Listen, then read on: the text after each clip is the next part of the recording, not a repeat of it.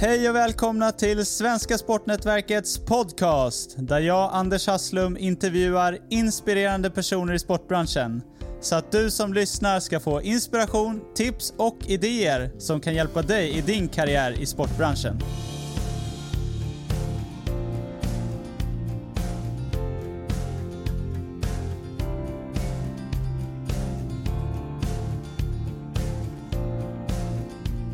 Ja, då har jag äran att eh, intervjua Linda Wikström eh, som numera är kommersiell chef på Elitfotboll Dam.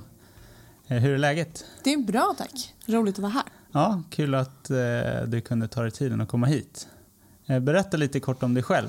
Ja, jag heter då Linda Wikström, kommersiell chef på Elitfotboll Dam. Är, eh, blir 44 år i år och bor tillsammans med min man och två barn eh, norr om Stockholm, i Vallentuna. Kort, eh, för de som inte vet vad EFD eller Elitfotboll Dam är, eh, vad är det? Det, det är en intresseorganisation för de två högsta ligorna i Sverige som faktiskt grundades 1978 just för att driva frågorna som våra damer har i Sverige mm. på olika sätt. Och den har ju utvecklats sedan 1978. Ja. Så EFDs fokus idag är väl mycket inom de kommersiella rättigheterna för att öka både intäkterna men även öka tillgängligheten och kunskapen. Mm. Men även driva lobbyverksamhet för att påverka ja, olika beslutsfattare mm. Eh, för att stärka damfotbollen. Ja. Så vad, hur började EFD? Alltså vad var det för frågor i början?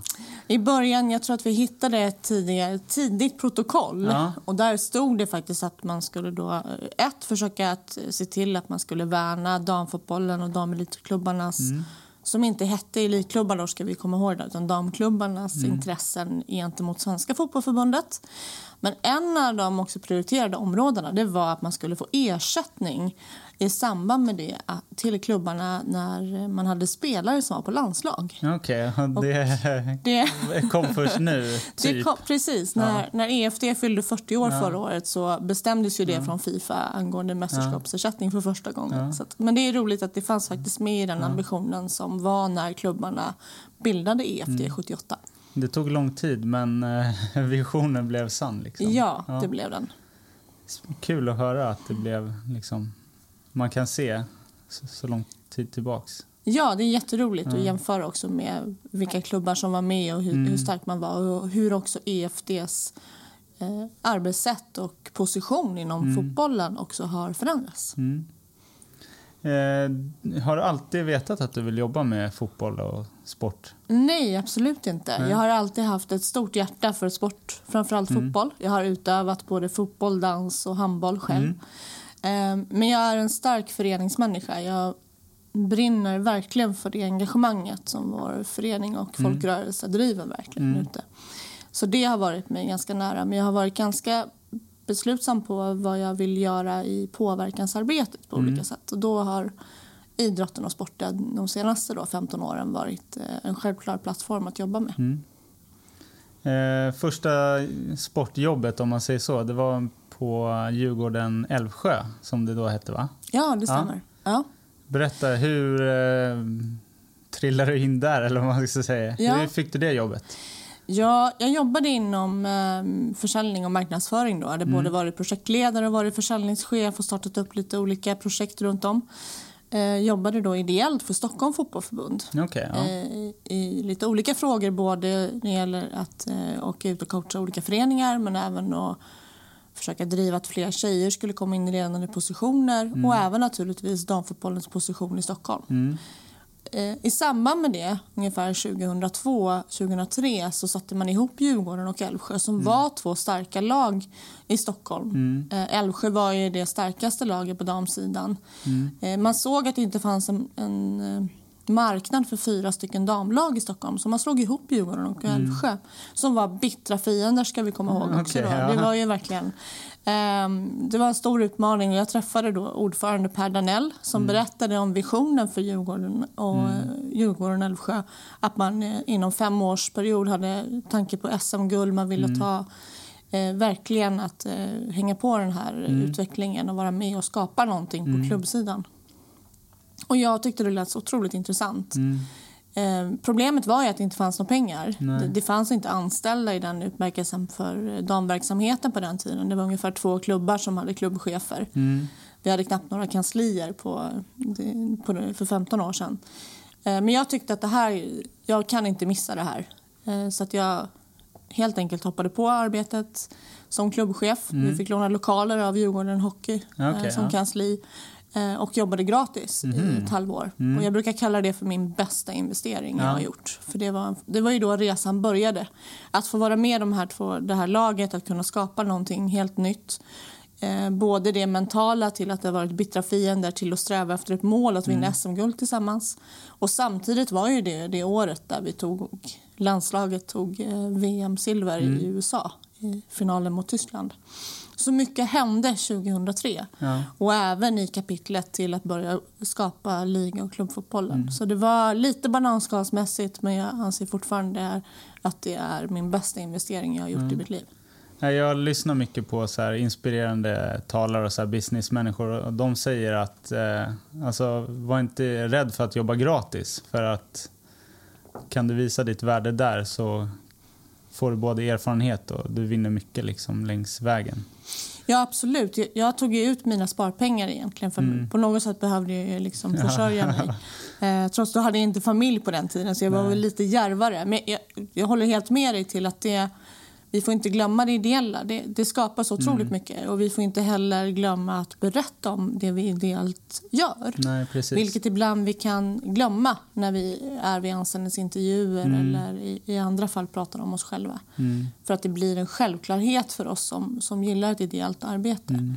Eh, Så absolut. Sen kan vi säga att det kanske inte var min tanke att hela tiden jobba ideellt för damfotbollen. Nej. Utan det var under en viss period och sen så, Ja. så fick jag liksom en, en ersättning så att jag kunde få betala mina, mina räkningar och fortsätta naturligtvis att driva. Någon sorts ersättning behöver du ta. Men helt klart så ideella verksamheter ska man absolut inte förringa varken i sin Nej. egen erfarenhet och kunskap. Det krävs lite mod så här, om man inte bor hemma fortfarande och eh, hoppar på något som eh, man inte får betalt för. Ja, och jag, jag kan ju uppleva att jag tycker inte att jag är så modig Nej. som person. Jag kan vara ganska modig i, i idéer och förslag på, Mm. på djärva saker och, och prova nytt. Men som person så skulle jag nog uppleva mig ganska trygghetsbaserad. Men mina beslut här tyder ju på tydligen att jag är mer modig än vad jag trodde. Mm. jag tror också Ja. det. Eh, och eh, Djurgården eh, då och sen eh, fotbollsförbundet då. Eh, berätta. Jag, jag har aldrig jobbat på fotbollförbundet ska Nej. jag säga, jag jobbade ju då, jag kom in som kanslisekreterare. Mm. Just i den här också, EFD eh, hade tidigare varit med en generalsekreterare och en, en väldigt operativ styrelse. Ehm, och ehm, ungefär 2009 så, så började man anställa en till, en ytterligare person. Och också gjorde, bestämde sig att man skulle ha sitt kontor i närheten av Stockholm. Med anledning av att det var mycket i närheten, både för närheten för eh, Svenska fotbollförbundet men också att eh, ja, företag eller eh, beslutsfattare som var under den här nejden. Då, så, att säga. så då kom jag in på, på EFD som Ja. kanslisekreterare. Vad gör man då? Då jobbade vi med, eh, tillsammans med generalsekreteraren så mycket administrativt och också vara serviceinstansen in till våra klubbar. Eh, som intresseorganisation så var vi är vi ju remiss, remissinstans in till, till Svenska fotbollförbundet. Vi bereder och hjälper klubbarna i evenemangen eller vi diskuterar med tv om tv-sändningar etc. Eh, så att det var mycket egentligen bygga organisationerna eh, för att själv, ja, hjälp till självhjälp helt enkelt. Så att det, när jag började på EFD så, ett, så styrkan har ju varit att jag vet ju hur det är att vara i klubb. Jag har varit i, i en klubb själv under, som klubbchef i, i fem, sex år eh, och har sett den vardagen. Så att för mig så blev det en självklarhet att kunna försöka påverka och försöka hjälpa till i ett större perspektiv. Och ändå ha med sig den vardagen. Men också se över att man måste förstå att som enskild förening så behöver man stödet eh, mer centralt. Och det är vissa frågor som man inte kan driva själv som förening. Nej. Utan försöka vara den hjälpen så att klubbarna kan fokusera på det som har med deras dagliga verksamhet. Vad kan det vara för frågor då? Det kan exempelvis vara påverkansarbetet i form av kanske den här ersättningen som vi pratade om tidigare i programmet om spelarersättningarna vid, vid landslag. det är en sak som måste påverkas ner till Fifa. Där tyngden av att man måste veta hur gången går för att mm. försöka komma in med den frågan. Det kan handla om eh, olika förändringsprocesser om arenakrav eller hur får vi bättre arenor tillsammans mm. med kommunerna eh, för våra damspelare mm. som var mm. ganska aktuell då ungefär vid, vid den tiden. Mm. Så det var många sådana frågor som och naturligtvis så, hur får vi mer intäkter det är väl ja. den som naturligtvis eh, ja. alla har strävat efter. Ja, du eh, klättrade, eller vad man ska säga, inom EFD och eh, till, först tillförordnad generalsekreterare eh, och sen generalsekreterare. Mm. Eh, hur gick det till? Eh, ja, det, den generalsekreteraren vi hade hon, hon lämnade för ett annat arbete mm. och då utlystes ju tjänsten. Vilket jag såg det som en självklarhet att mm. söka den. Mm. För jag hade ju kommit in i det och, och såg också potentialen till hur vi kunde modernisera EFD. Mm. Eh, tillsammans med riktningen som styrelsen gav var att vi verkligen skulle modernisera och ta mer plats i rummet. Mm. Eh, som, och även ta en position, starkare position inom våra kommersiella mm. rättigheter och allt ifrån arenaupplevelsen till mm. ja, eh, den delen. Och, det, och inte minst att, att eh, skapa stabila organisationer. Mm. Så för mig så kände jag att det, jag kan vara den motorn som kan försöka vara med och påverka det. Mm. På ett väldigt litet kansli ska vi säga då med två personer. På mm. Mm. Och du fick tjänsten till slut då? Jag fick ja. tjänsten. Jag sökte tjänsten och jag fick den. Mm. Eh, och var, har ju varit, har haft den tjänsten då i tio år.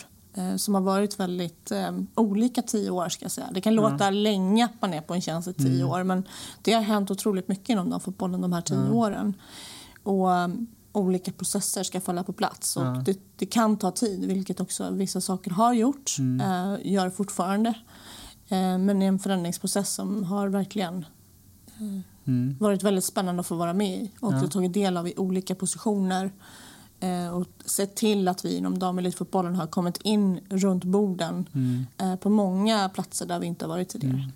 Jag tänkte vi ska prata om de här tio åren och utvecklingen och resan.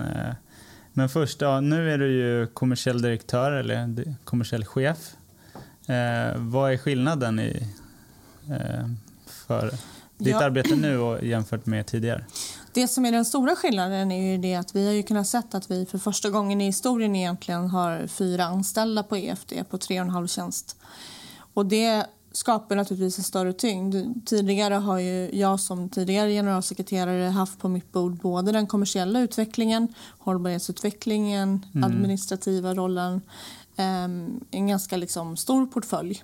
När vi har sett under, vi under förra året så ökade våra sponsorintäkter med 165 procent. Um, vi har byggt en, en, stor plattform när det gäller vår mediala tillgänglighet mm. med Obos Dam och Svenskan TV så behövde vi ta det här steget. Och då kan man antingen säga att man efter tio år eh, är nöjd, mm. eh, vilket jag inte är. Nej. Jag är inte nöjd. Eh, vi har kommit väldigt långt, men jag tror att vi kan göra det här ännu mer starkare, mm. inte minst kommersiellt och hållbart.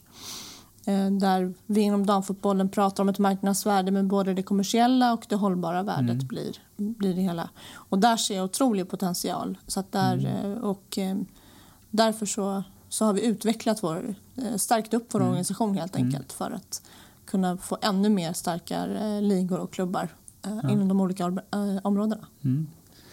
Du har ju också en fot in i Uefa och European Club Association. Mm. Berätta lite om det.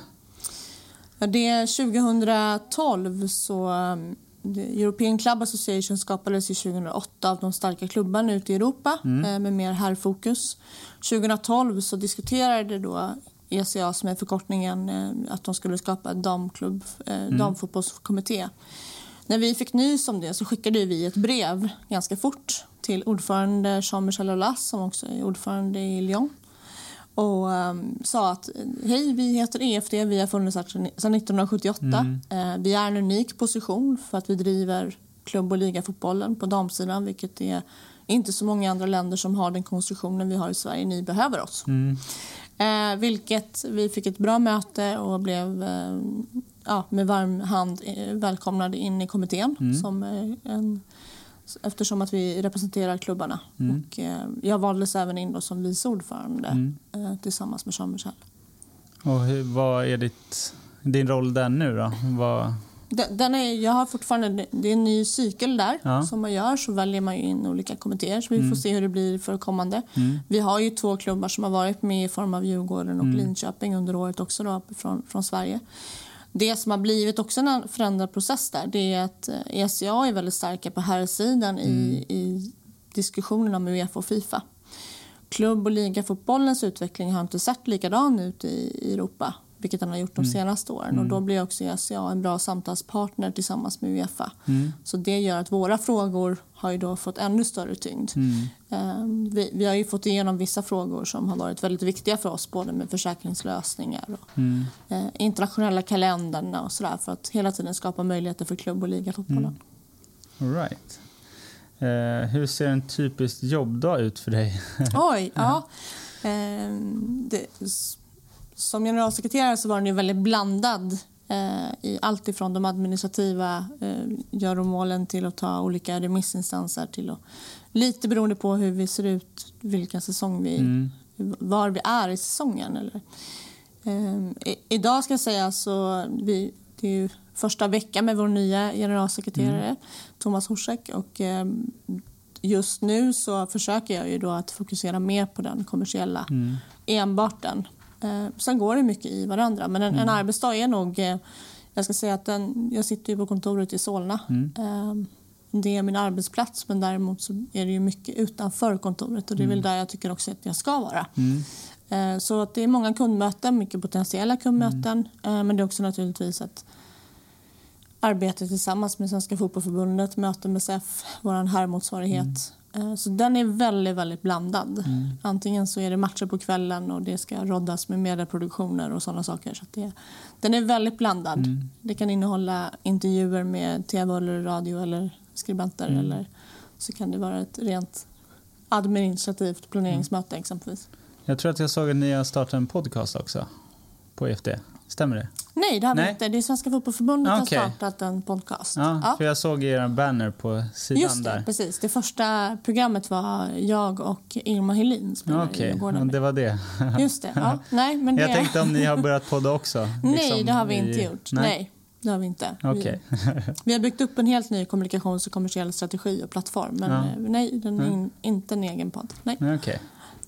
För det är någonting jag tror eh, var det herrarnas etta gjorde det. Ja, ettan Ja, fotboll. Ettan ja, fotboll, precis. precis. Ja. Det räcker med vår egen tv-kanal. För den har fått eh, ett ansiktslyft, läste jag i alla fall. ja, precis. Och Bostad Svenskan Ja. TV har vi byggt om. Mm. Eller har satt ihop med .se. Mm.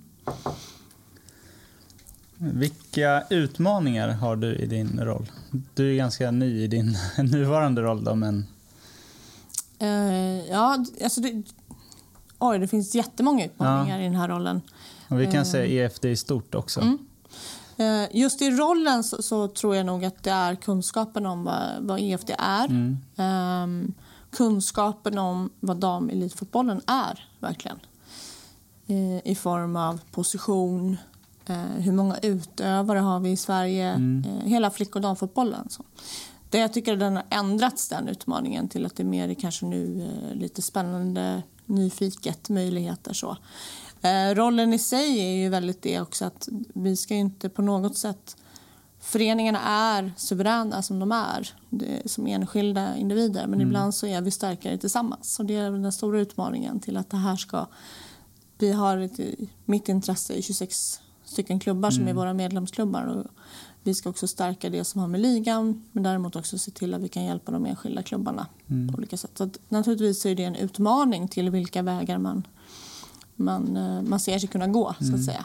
Eh, Men det är hela tiden ett, och det tror jag man lär sig. att Det, det är att lära sig spelet också mellan de olika organisationerna och vilken position som vi har inom damfotbollen. Hur lätt är det att få med sig 26 klubbar på eh, en strategi eller vad man ska säga? Det, jag, jag är väldigt stolt över att vi inom EFD och klubbarna och EFD är ju klubbarna, så det blir fel när jag säger EFD och Mm. Ja, klubbarna men jag ja. vill förtydliga att det Ja. är ju faktiskt en klubborganisation. Ehm, har under två perioder egentligen från 2017 byggt upp ett strategidokument tillsammans. Mm.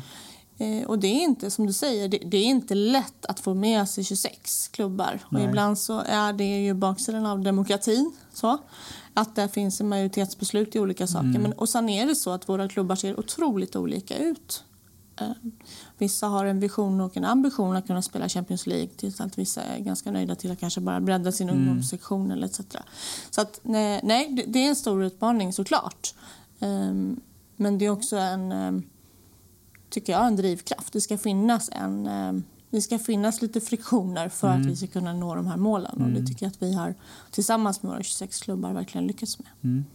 Du, har, du har jobbat nu i tio år på EFD ungefär. Eh, vad har hänt eh, liksom för klubbarna i Sverige och i ja, damfotbollen i stort? Eh, jag har ju sett, jag har hängt med ganska länge, mm. de senaste fem åren ungefär i alla fall. Och det känns som ni gör väldigt mycket bra med alltså, ert koncept och ni hade det här på centralstationen med lägga en straffspark och sånt där. Mm. Det verkar hända mycket liksom.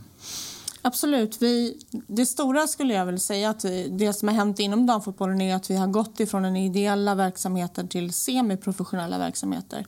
Med väldigt, väldigt, ska vi säga, med stor tyngd på fortfarande den fantastiska ideella verksamheten som finns ute i klubbarna. Mm. Men samtidigt att vi har jobbat upp en semiprofessionell. Tittar vi på intäkterna i ligan så har ju den också ökat enormt de här tio åren. Från nästan 40 miljoner tror jag intäkter upp mot 120-125 miljoner. Mm. Ehm, de andra aktiviteterna som du nämner är också ett sånt del som att vi har varit jag tycker vi har varit järva. Vi har vågat gå utanför den här... Ehm, det har varit kanske tidigare lättare att kunna kopiera det som herrarna gör. Man mm. tittar på en traditionell aktivering mm. och sen har vi inte lyckats med det och då har vi provat det igen mm. och igen och igen och vi undrar varför det inte liksom lyckas ja. om vi gör samma saker. Ja. Eh, det här har också ändrats, att vi vågar göra och ta egna initiativ mm. som också vi skapar vår egen marknad på. Mm. Vi skapar vårt eget brus. Mm. Eh, det tycker jag är den stora skillnaden. Mm. Vi har blivit en starkare organisation och inte bara... Det, det, är någon som verkligen har tagit större plats i rummet. Mm. Och det tycker jag hela damfotbollen har gjort och inte minst våra klubbar. Mm. Där man inte har eh, ja, man är starkare helt enkelt till att kunna stå upp för den verksamheten man har mm. med ganska begränsade resurser, såväl ekonomiska som personella. Mm. Så vad är det koncept som ni har byggt fram själva och inte kopierat nu då? Ja, det, det, är väl just det att vi under förra året så la vi en helt ny kommunikationsplattform tillsammans med klubbarna, våra mm. partners och jobbade tillsammans med Passion Lab, eh, en byrå på det för att mm. ta fram det. Och just hitta vår egen lilla ankdamm till mm. att kunna jobba med de här mm. sakerna. Eh, och hitta det som kanske blir det, själv, det självklara för oss som är inne i branschen, men när vi mm. berättar det utåt. Mm. Så det, det, är ingen Einstein-formel, men vi vågar ändå sticka ut hakan lite än att liksom bara stå med mössan i handen och mm. tycka synd om oss själva. Mm. Det tror jag är skillnaden. Att hitta våra eh, unika eh, punkter mm. och förmedla dem och öka tillgängligheten. Mm. För det har ju varit den begränsningen. Och då mm. behöver det kanske inte Istället för att slå i huvudet hela tiden till ett traditionellt tv-avtal så har vi skapat möjligheterna på ett annat sätt. Vi har mm. hittat våra egna vägar. Eh, sen ibland kanske lite krokigt och lite jobbigt mm. men ändå så har vi ändå sett resultaten. Mm. Ja, med, apropå resultat, ni har ökat intresset för eh, ligorna. Ni har förbättrat ekonomin hos sponsor, eller i klubbarna och ni har fått eh, nya sponsorer och sponsorintäkter. Eh, jag tänker framförallt på Obos. Då. Eh, vad möjliggör eh, en sån sponsor för er? Eh, både Svenska Spel, kan säga, vi, mm. vi skrev ju, det, vi skrev, eh, det avtalet vi skrev med Svenska Spel förra året är ju historiskt. Mm. Det är mm. det största damidrottsavtalet som har skrivits eh, i Sverige. Så att både Svenska Spel och OBO skapar otroliga möjligheter för oss. Mm. Eh, såklart så är det tillgångar i form av resurser, av ekonomiska resurser ut till klubbarna. Eh, men det skapar också möjligheter för oss att, att kunna bygga ut det som har det med det kommunikativa, öka tillgängligheten och statusen på ligan mm. skulle jag säga. Det är två starka aktörer som har visat mm. att eh, med tydliga medel men också med tydlig retorik att det här är ingenting man gör för att man tycker Nej. lite synd om damfotbollen utan de, de, är med att höja statusen mm. på våra ligor. Det är nog de största delarna. Varför tror du att Obos och Svenska Spel väljer att eh, komma till dem eh, fotbollen? Eh, vad är det som skiljer er? Eller hur har ni liksom profilerat er eller paketerat er om man säger så? Jag tror ett så är tillgängligheten både till att vi eh, kan skapa många värden utanför men också tillgängligheten i form av att våra både klubbar och spelare är väldigt nära. Mm. Går du på en match i Obos, Damallsvenskan eller Elitettan så kommer du väldigt nära spelarna. Du, du får en autograf, du, du skapar förebilden och den finns väldigt nära. Det är inte bara liksom i, på det sättet. Men Obos VD, svenska VD Joakim Henriksson har ju beskrivit samarbetet och varför de gick in hos oss som ett hattrick. Mm. Ett så är det deras primära, det är att de ser affärs mm. nyttan, alltså mm. affärsvärde till att öka deras... Eh, de ska bli starka i, i Sverige som de är i mm. Norge mm. där de ser att Obos-Svenskan är tillsammans med klubbarna från, från norr till söder är en viktig del för att kunna öka kännedomen men även få fler medlemmar in i mm. Obos-familjen. Eh, det andra handlar om det samhällsengagemanget som Obos vill vara med och påverka där mm. de anser att vårt arbete med vår värdegrund och våra värderingar är någonting som eh, rimmar exakt likadant med Obos. Mm. Eh, och den verkstaden och de operativa sakerna som våra klubbar gör är också den som kommer ut från Obos och det som de som företag ska stå för. Mm. Det tredje de säger så handlar det om en eh, employer branding perspektiv. Det vill säga att de som är anställda ska kunna se att du som arbetsgivare mm. idag går in och engagerar dig i ett, ja, mm. någonting för att kunna driva ja. eh, någonting positivt framåt ja. i form av Obostama-svenskan. Så de ser också till att de stärker eh, statusen hos sina anställda och också attraherar andra anställda, nya, till att få mm. komma och jobba inom Obos. Så det är de tre sakerna. Så det blir ganska bra, rimmar väl rätt ja. bra så att säga. Eh, när det gäller Svenska Spel så har vi jobbat länge med varandra och mm. jag brukar ju säga att utan Svenska Spel så hade inte svensk damfotboll varit där den har varit. För det har ju mm. varit den partnern som har varit med oss eh, när ingen annan riktigt har trott på oss så har de varit mm. där och skapat eh, ganska mycket fokus på hur vi får fler tjejer att spela fotboll och hur, hur vidareutvecklingen är och hjälpa till i den operativa verksamheten för mm. att vi får utbildade ledare och spelare. Um, och där är väl också det att eh, de, de ser ju produktens värde såklart mm. Eh, inför deras marknad men också mm. det att de ser att det, de är med att kunna skapa en förändring och skapa samma möjligheter för tjejer för att kunna få utveckla sig inom fotbollen. Mm. Det här poddavsnittet presenteras av Score som är ett mobilt kommunikationsverktyg för klubbar, ligor och förbund som skapar nya intäktsmöjligheter. Gå in på score.se och läs mer. Då är vi tillbaka från pausen. Eh, vi pratade lite om eh, sponsringen. Och eh, har du något tips till andra ligor eller klubbar, förbund som söker sponsorer? Hur ska man tänka? Ja, alltså, jag tror att det viktigaste är att kunna förmedla och kunna visa på sina egna värden. Mm. Att inte vara såklart skriva upp några värden men vara väldigt, väldigt säker på vilken produkt du är mm. och vilken ni vill förmedla. Att kunna våga se andra möjligheter till sponsring kanske mm. än liksom den traditionella sponsringen med, mm. med bara en, en positionering. Eh, och de värdena hittar du i kunskap om ditt eget, din egen produkt. Mm. Så man behöver göra någon form av eh, Absolut. Det, vi, jobbade, Ja, och se till att den är uppdaterad. Mm. Fast man gjorde den för tio år sedan så har mycket hänt, inte mm. minst i samhället runt omkring men också mm. i din egen verksamhet. Så att det finns egentligen en, en ganska tydlig strategi på hur vi ska jobba med kommersiella partners mm. För i syvende och sist är det ju leveransen som räknas. Det är inte bara att ta in företagen utan vad kan vi leverera mm. och hur är uppföljningen på den. Eh, för den är egentligen ett hårdare jobb.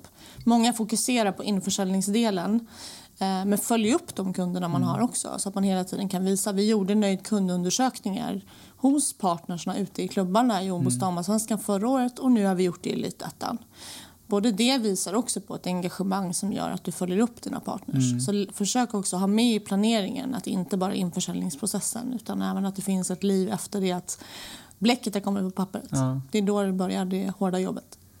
Precis. Eh, om du får drömma, hur kommer de kommande tio åren se ut för EFD och damfotbollen i Sverige? Du får ehm, tänka helt fritt. Helt fritt? Ja. Gud vad skönt. Eh, om jag får drömma Eller så... drömma fritt ska jag ja, säga. Drömma fritt. Eh, ett så att vi behåller, bibehåller den spänning rent sportsligt. Mm. Att vi fortsätter att utveckla våra unga produkter. Alltså det, att vi fortsätter att vara duktiga på den spelarutvecklingen. För att under vårt, våra A-lag så har vi ungefär 6 500-7 tusen tjejer som spelar fotboll, vilket vi inte ska glömma. Eh, det är ju vår framtid på det sättet, mm. att kunna vara den. Eh, om tio år så hoppas jag att vi, vi är idag fjärde starkaste ligan rent i kontaktmässigt när det gäller traditionella medier. Nu vet jag inte ens om tio år om vi pratar traditionella linjära mm. tv-apparater. Eh, men, men, att vi fort, fortsätter och, och stärker än mer den mm. positionen. Mm. Och om tio år hoppas jag också att vi har helt klart ser än starkare marknadsvärden och inte mm. minst om tio år så hoppas jag att vi har än fler klubbar som, som ligger ännu mer på en semiprofessionell nivå än vad vi har idag. Mm. Publikmäss, publikantal Publik, och sådär. Tänker Vi har ju ökat i intresset som ja. du nämnde så har ju det ökat eh, väldigt starkt under de senaste fyra åren. Mm. Eh, och det tror jag kommer att, att eh, mm. inte med automatik, men vi kommer att öka våra publiksiffror. Vi mm. ser det och det kommer inte bara göra det för att det är ett event utan för att det här är en hållbar mm. strategi på hur vi jobbar och vilka som kommer mm. på våra... Så jag tror helt klart att vi kommer att, är det någonstans vi kommer att öka så är det publiken. Mm. Eh, när du sa linjär tv så kom jag på, jag hade en fråga här tidigare om eh, eh mexikansk tv. Ja. Eh, berätta. Ja, det är lite... vi, vi har ju haft våra, behållit våra tv-rättigheter själva, eller mm. medierättigheter ska vi säga. Idag ser vi att det de intäkterna vi får in så kan det vara så att det mediala kan ligga inne i ett sponsoravtal med mm. ett, ett, ett, ett, bolag idag. Rörligt media eller live-media eh, är väldigt intressant i mm. annan paketering. Det är inte bara stillbilderna eller utan att en match kan leva så mycket längre om vi har det rörliga materialet. Mm. I den här diskussionen, vi, vi har haft ett samarbete under många år tillsammans med Spring Media som avtalspart där vi har byggt upp vår egen plattform som vi kan hela tiden lova att vi producerar 132 mm. matcher. Mm. Det gör att vi tillgängliggör fotbollen. Mm. Eh, det tillgängliggör här i Sverige på olika sätt och vi kan sälja dem, eh, sälja matcherna men också att folk vet att du kan titta på mm. alla matcher oavsett var du är i världen. Mm. Eh, och därför så blev det extra roligt nu att vi har ingått ett samarbete med Sky Sport Mexico. Mm. Det händer mycket i Mexiko som damfotbollsland mm. och Sky Sport kommer då att sända två omgångar. Nej, två, förlåt, två matcher per omgång mm. um, i, från och med 2020. Mm. Nu under hösten kommer det att vara en liten provperiod. Mm. Uh, och vi har det här samarbetet till 2022 mm. där Obostama ska kommer gå i linjär-tv med en räckvidd på ungefär 12 miljoner mm. i Mexiko. Har kanalen så att säga. Ja. Sen är det inte säkert att vi har 12 Nej. miljoner tittare. Nej. Men räckvidden på kanalen är 12 miljoner. Så det är fantastiskt roligt. Och det här är också tydligt på att det är någonting lite extra. Vi, vi, mm. gör, vi tillgängliggör den vi skapar ett brus, det finns ett intresse för vår liga. Mm. Det är självklart att, att Sky Sport Mexico inte på något sätt är vår, liksom, vår primära marknad där vi ska ut och synas och höras. Men det skapar, det kan skapa mm. möjligheter och det är, fan, det är lite provocerande och lite roligt att vi som det ser ut då i dagsläget, om vi jämför med det skulle vara i år, så mm. har vi alltså fler linjär-tv-matcher i Mexiko än vad vi har här hemma i Sverige. Ja. eh, och det är också någonting såklart ja. som, eh, som vi jobbar med, men det är inte den primära marknaden. Mm. Men det är fantastiskt roligt att det här eh, har kommit upp och vi har kunnat knyta det här samarbetet. Mm. Finns det några mer sådana där samarbeten på gång? Ja, I andra vet. länder? det, det händer jättemycket i, ja. i världen på damfotbollen ja. och, eh, och Obos Svenskan har en jättestark position utanför Sverige. Mm. Så det, det, är inte alls omöjligt att Nej. det skulle vara så. Men jag vill bara betona att det är absolut inte vår primära marknad. Nej. Utan naturligtvis så är det den nationella marknaden som, som är vår primära. Eh, men det är också något som eh, inte begränsar oss till att vi faktiskt kan skapa marknader utanför Sverige. Mm. Jag tänkte vi ska prata lite om det här eh, med lägga en avgörande straffspark. För mm. jag, tycker, jag tycker det var så bra, hela det konceptet och eventet. Mm. Kan du berätta om eh, det? Vi ville ju på något sätt eh, provocera. Mm. Eh, vi fick möjligheten genom att vi vann ett pris som heter Järnspiran som Järnhuset som ägare för Stockholms centralstation har. Mm. Och när man får den här chansen att kunna få stå på Stockholms centralstation under en vecka så behöver man ju verkligen kunna göra det med pompa och ståt och kunna verkligen få ut sina budskap. Mm. Så det vi ville lyfta det var eh, hur det kan vara att vara ung tjej idag. På skolans fotbollsplan eller också på fotbollsplanen eh, oavsett om det är var du är i Sverige. Där det kan vara, du kan inte spela fotboll, du är tjej. Du får eh, skällsord, du, får, eh, du blir hånad. Eh, men trots det här så drivs tjejer av att vi, har, vi är den största sporten i, i Sverige i dagsläget. Det är otroligt många utövare vi har. Vi har fler tjejer och kvinnor som spelar fotboll än vad vi har hockeyspelare totalt. Eh, Så trots den vardagen och den miljön så drivs det här på. Och mycket tack vare det. Så det vi gjorde var att vi skapade en kub på nio meter där man gick in, eh, man skulle lägga en straffspark och eh, fick på sig hörlurar och skulle vänta till domaren blåste. Och under tiden här så kommer det ord som att du kan inte spela fotboll, du ser urusel ut. ehm, och det här skapade ju en otroligt engagemang hos, hos den som upplevde det här. Efter det så, så kom Olivia Skog upp och det projicerades eh, som både landslagsspelare och spelare i Djurgården. Och då att den här vardagen ska vi inte... Det här är vardagen, men vi ska jobba för att det, det blir något annat. Och på utsidan av den här kuben så tog vi axplock från alla de fantastiska projekt som våra 26 klubbar jobbar med för att kunna stärka eh, svensk flick och damfotboll. Det gav jättemycket surr. Vi hade mm. väldigt mycket PR. När vi mätte, när Jernhusen mätte det i, som event så var det det andra högsta, mest intressanta eventet på Centralstationen. Den här har vi också plockat ner i en mindre variant och hade den under Almedalen och gjort en VR-lösning på den för att kunna ta. Så det är inte så att vi vill att folk ska må dåligt eh, med den här. Nej. Men vi ville få, vi ville få in unga killar eh, i, i den här montern för Ja, att kunna få den här diskussionen. Ja. Och det fick vi. Eh, och även diskussionen där man fick en tankeställare till att oj, jag sa så här i lördags när jag gick förbi. Ehm, det här gjorde ont, det här var inte bra. Men också naturligtvis den största delen var ju till att visa och skapa större kännedom om vad de elitfotbollen gör i Sverige. Så det var en jättehäftig aktivitet att få jobba med och också att vi har nu utvecklat den till en Ja. VR-lösning och kan jobba med den mer utanför även centralstationen Mm. runt om i Sverige. Har ni fler sådana här projekt på G eller kommer ni köra vidare just det här ett tag med VR-lösningen? Vi, vi har ju den för Mm. att vi kan, kan göra det så att säga. Sen så vet man aldrig vad vi har i pipen på att kunna göra. Eh, det är såklart att det skulle vara kul att kunna göra någonting annat Mm. 2020 men kanske någon annan vinkling.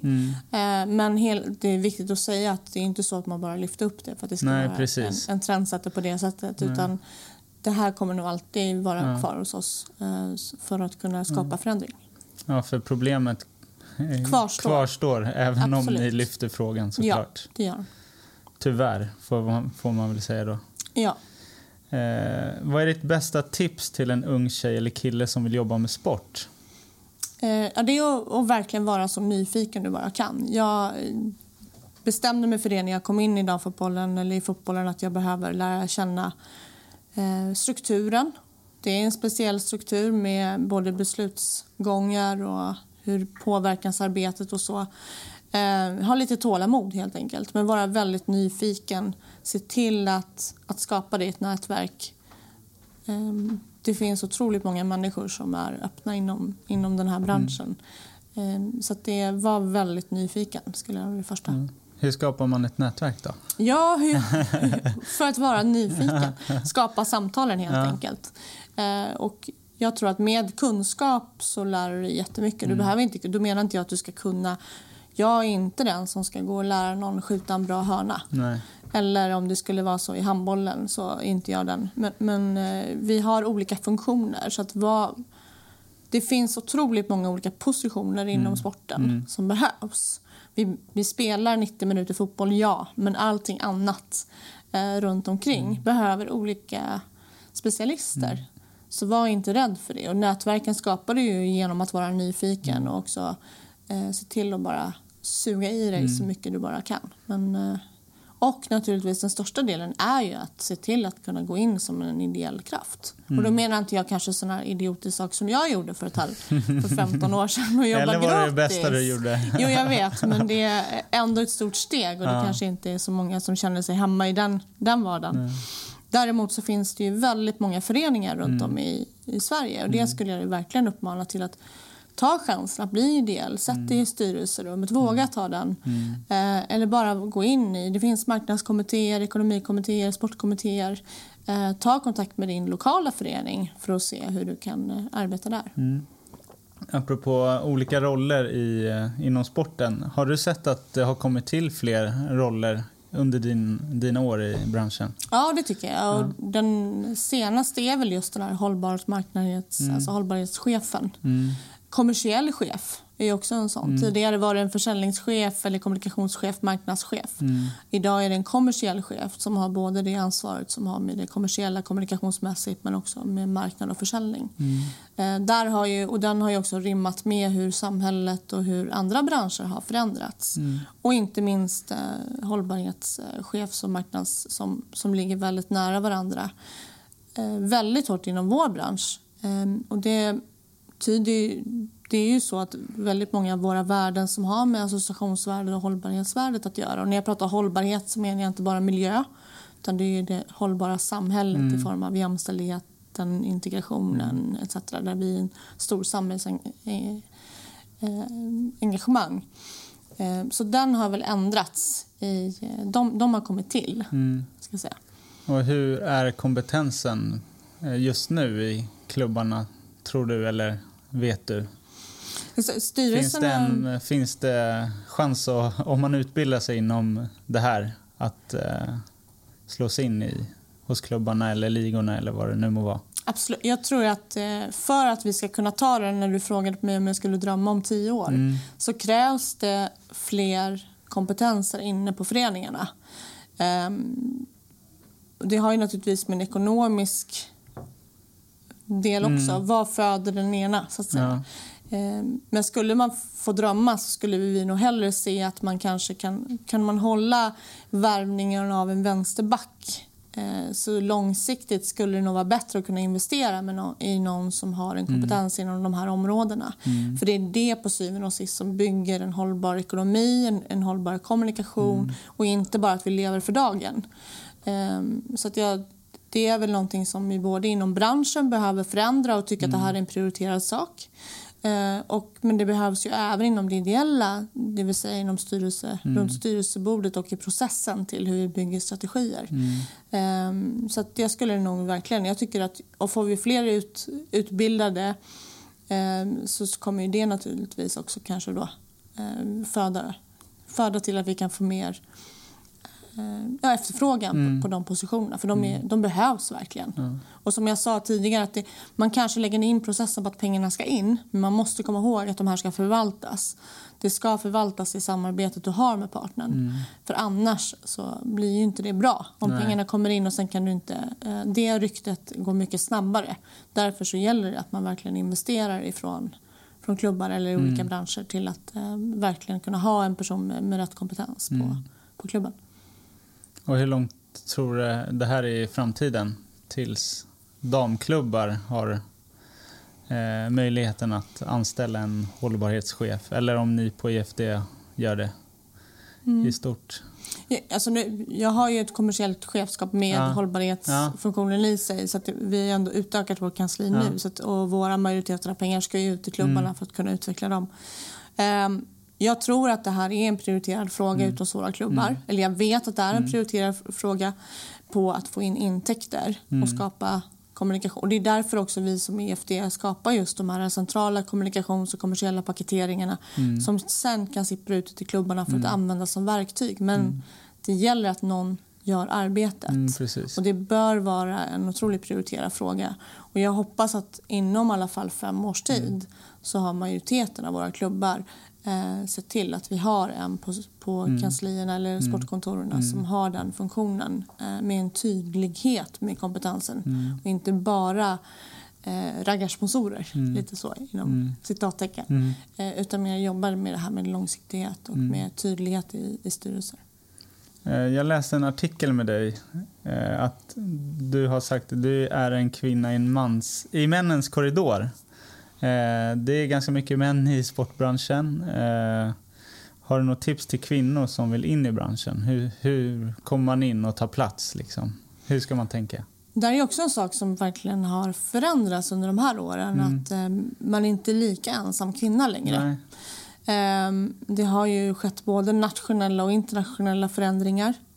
Eh, jag, utan de här männen i korridoren som har byggt upp det här, mm. Eh, eller byggt upp, de har varit med och, och liksom byggt svensk eh, damfotboll eller fotbollen så hade inte jag heller varit där jag varit och fattat tycket för det. Mm. För att de har ju ändå varit otroligt duktiga på att mm. visa mig de vägarna framåt och, var, ja. var, och lyssnat och, och även rådgivit.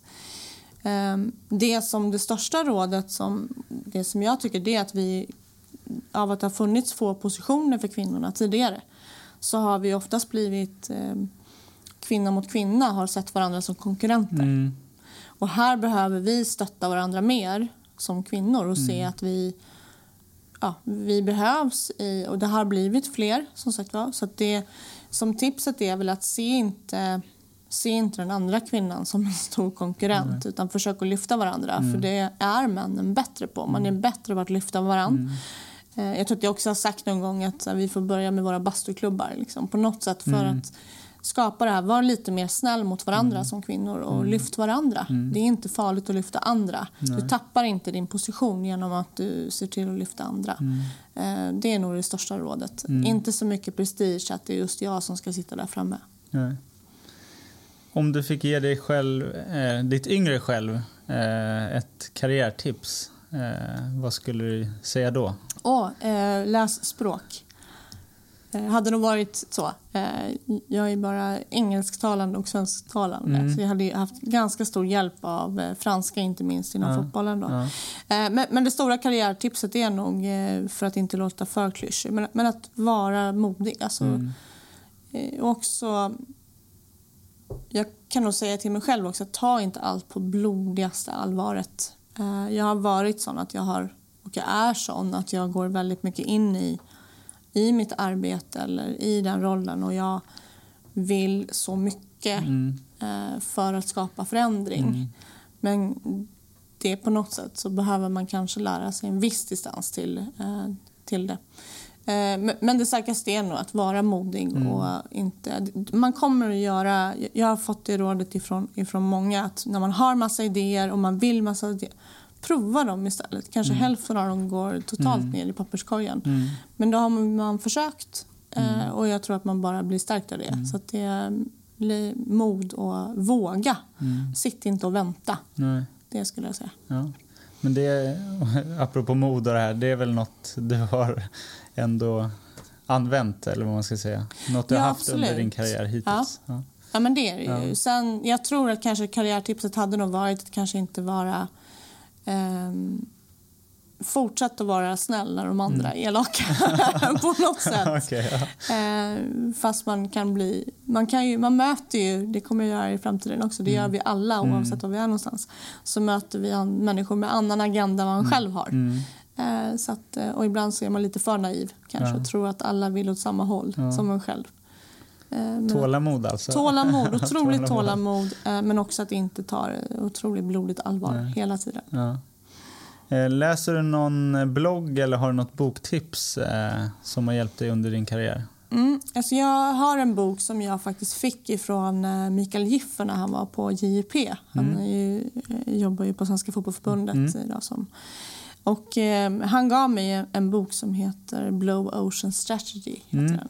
Och den handlar om att just att bygga marknad för nya konsumentgrupper. Mm. Och det, det är lite nämnde tidigare i programmet om hur man bygger sin egen ankdamm. Mm. Varför ska vi ligga i den här eh, mm. plaskdammen där alla andra ligger? Försök att komma med dina egna idéer mm. och bygg din egen. Um, den har hjälpt mig jättemycket. Ja. Ska jag säga. Sen har jag väldigt uh, fantastiska rådgivare eh, i form av bra samtalspartners mm. runt mig. Mm. Eh, som jag, det är ingen bloggare, men de är väl jag är, ja, utan dem skulle jag nog inte ha stärkt mig. Så att, men det är, just den här boken är en, en varm bok för mig att kunna ha. Den, eh, ja, den är lite led, ledmotivet på det sättet. Kul att du nämner den för att Christer Haglund som jag intervjuade i första avsnittet, han nämnde också den här boken. Jaha, okej. Ja. Så jag måste nog läsa den ja, du måste verkligen omgående. läsa den. Ja. Kim Wee Chan tror jag han heter, han som Okej, har skrivit den. Ja. Ja, den ligger i eh, läslistan. Ja. Det är lite farligt med den för man kan komma på väldigt mycket idéer efteråt som man vill Okej. prova. Ja. Ja, jag är ganska mycket så här för nya idéer. Jag kanske bör... skulle gilla den, Ja, både Ja. och. Jag kanske blir så här, nu ska jag göra något helt annat.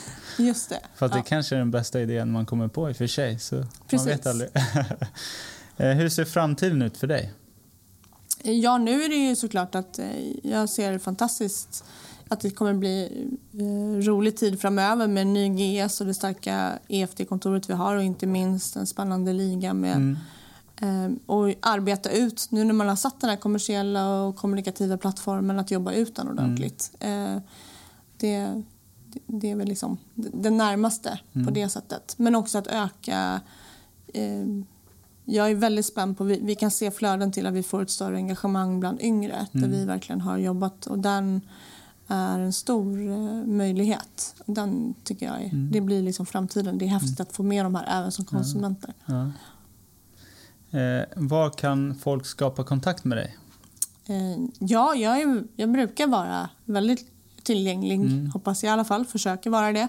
Eh, så antingen så kan man ju nå mig via LinkedIn eller man kan lyfta luren och slå en signal. Eller, eh, jag brukar vara ganska duktig på att svara. Oavsett på om man skickar ett mejl eller om man stöter på mig på något event eller, eller några sådana saker. Så att det, eh, jag, jag finns lite här och där. Så Ja. det, eller träffar man mig på förbundet eller ute och naturligtvis ute på arenorna så är det ju bara att, att haffa tag i mig. Mm. Jag ser till att länka dina sociala medier i Absolut, inlägget du här. får, du får jättegärna göra det. Så det. En sista fråga då. Mm. Vem tycker du jag ska intervjua i podden härnäst? Jag har ett självklart svar på det. Faktiskt. det? Jag tycker du ska intervjua Marcus Nilsson på Hammarby Fotboll. Ja. Marcus har en ehm, stor erfarenhet från damfotbollen. Mm. Han kom in i, eh, till Kristianstad, DFF, satte lapp på luckan. Mm. Eh, han kom till Vittsjö, GK Hässleholm och satte lapp på luckan Mm. där till och med ICA-handlaren fann ingen nytta att kunna ha öppet Mm. under matchdagarna. Han kom, eh, jag satt och gjorde strategin för biljettstrategin 2013 när vi hade e- hemma-EM. Mm. Marcus tog den strategin och gjorde den till verklighet och Mm. satte lapp på luckan på väldigt många tillsammans med starka eh, kommuner. Mm. Och idag är han på Hammarby fotboll och eh, är med och skapar historia för Mm. att fylla Tele2 Arena. Så att jag skulle helt klart säga Marcus Nilsson. Ja. Jag har haft hans kollega här, Abel. Ja, okej. Då har du redan haft den här Hammarby. Ja, jag vet. Jag får Okej. vänta med honom lite, tror jag. får göra det. Men det är verkligen ett, Ja. eh, en väldigt stor inspiratör. Och jag tror att det, han har också visat på... Han har ju varit inom olika delar, både på dam, dam och förbund och sen så går till herrfotbollen. Mm. Så att det, eller förlåt, Hammarby är en fotbollsförening som har både dam och herr. Mm. Men eh, då hade de inte dam när han gick dit. Men han har en stor, eh, ja, Ja. stor inspiratör om inte annat. Mm. ja, men tusen tack Linda för din Tack för jag tid fick och komma. eh, för att du delar med dig av din karriär och tips och damfotbollen i stort. Tackar. Tack så mycket för att du lyssnade på dagens avsnitt. Se till att prenumerera på podden och lämna gärna ett betyg och en recension om du gillade det du hörde. Du hittar oss på sociala medier, Svenska Sportnätverket. Följ oss där.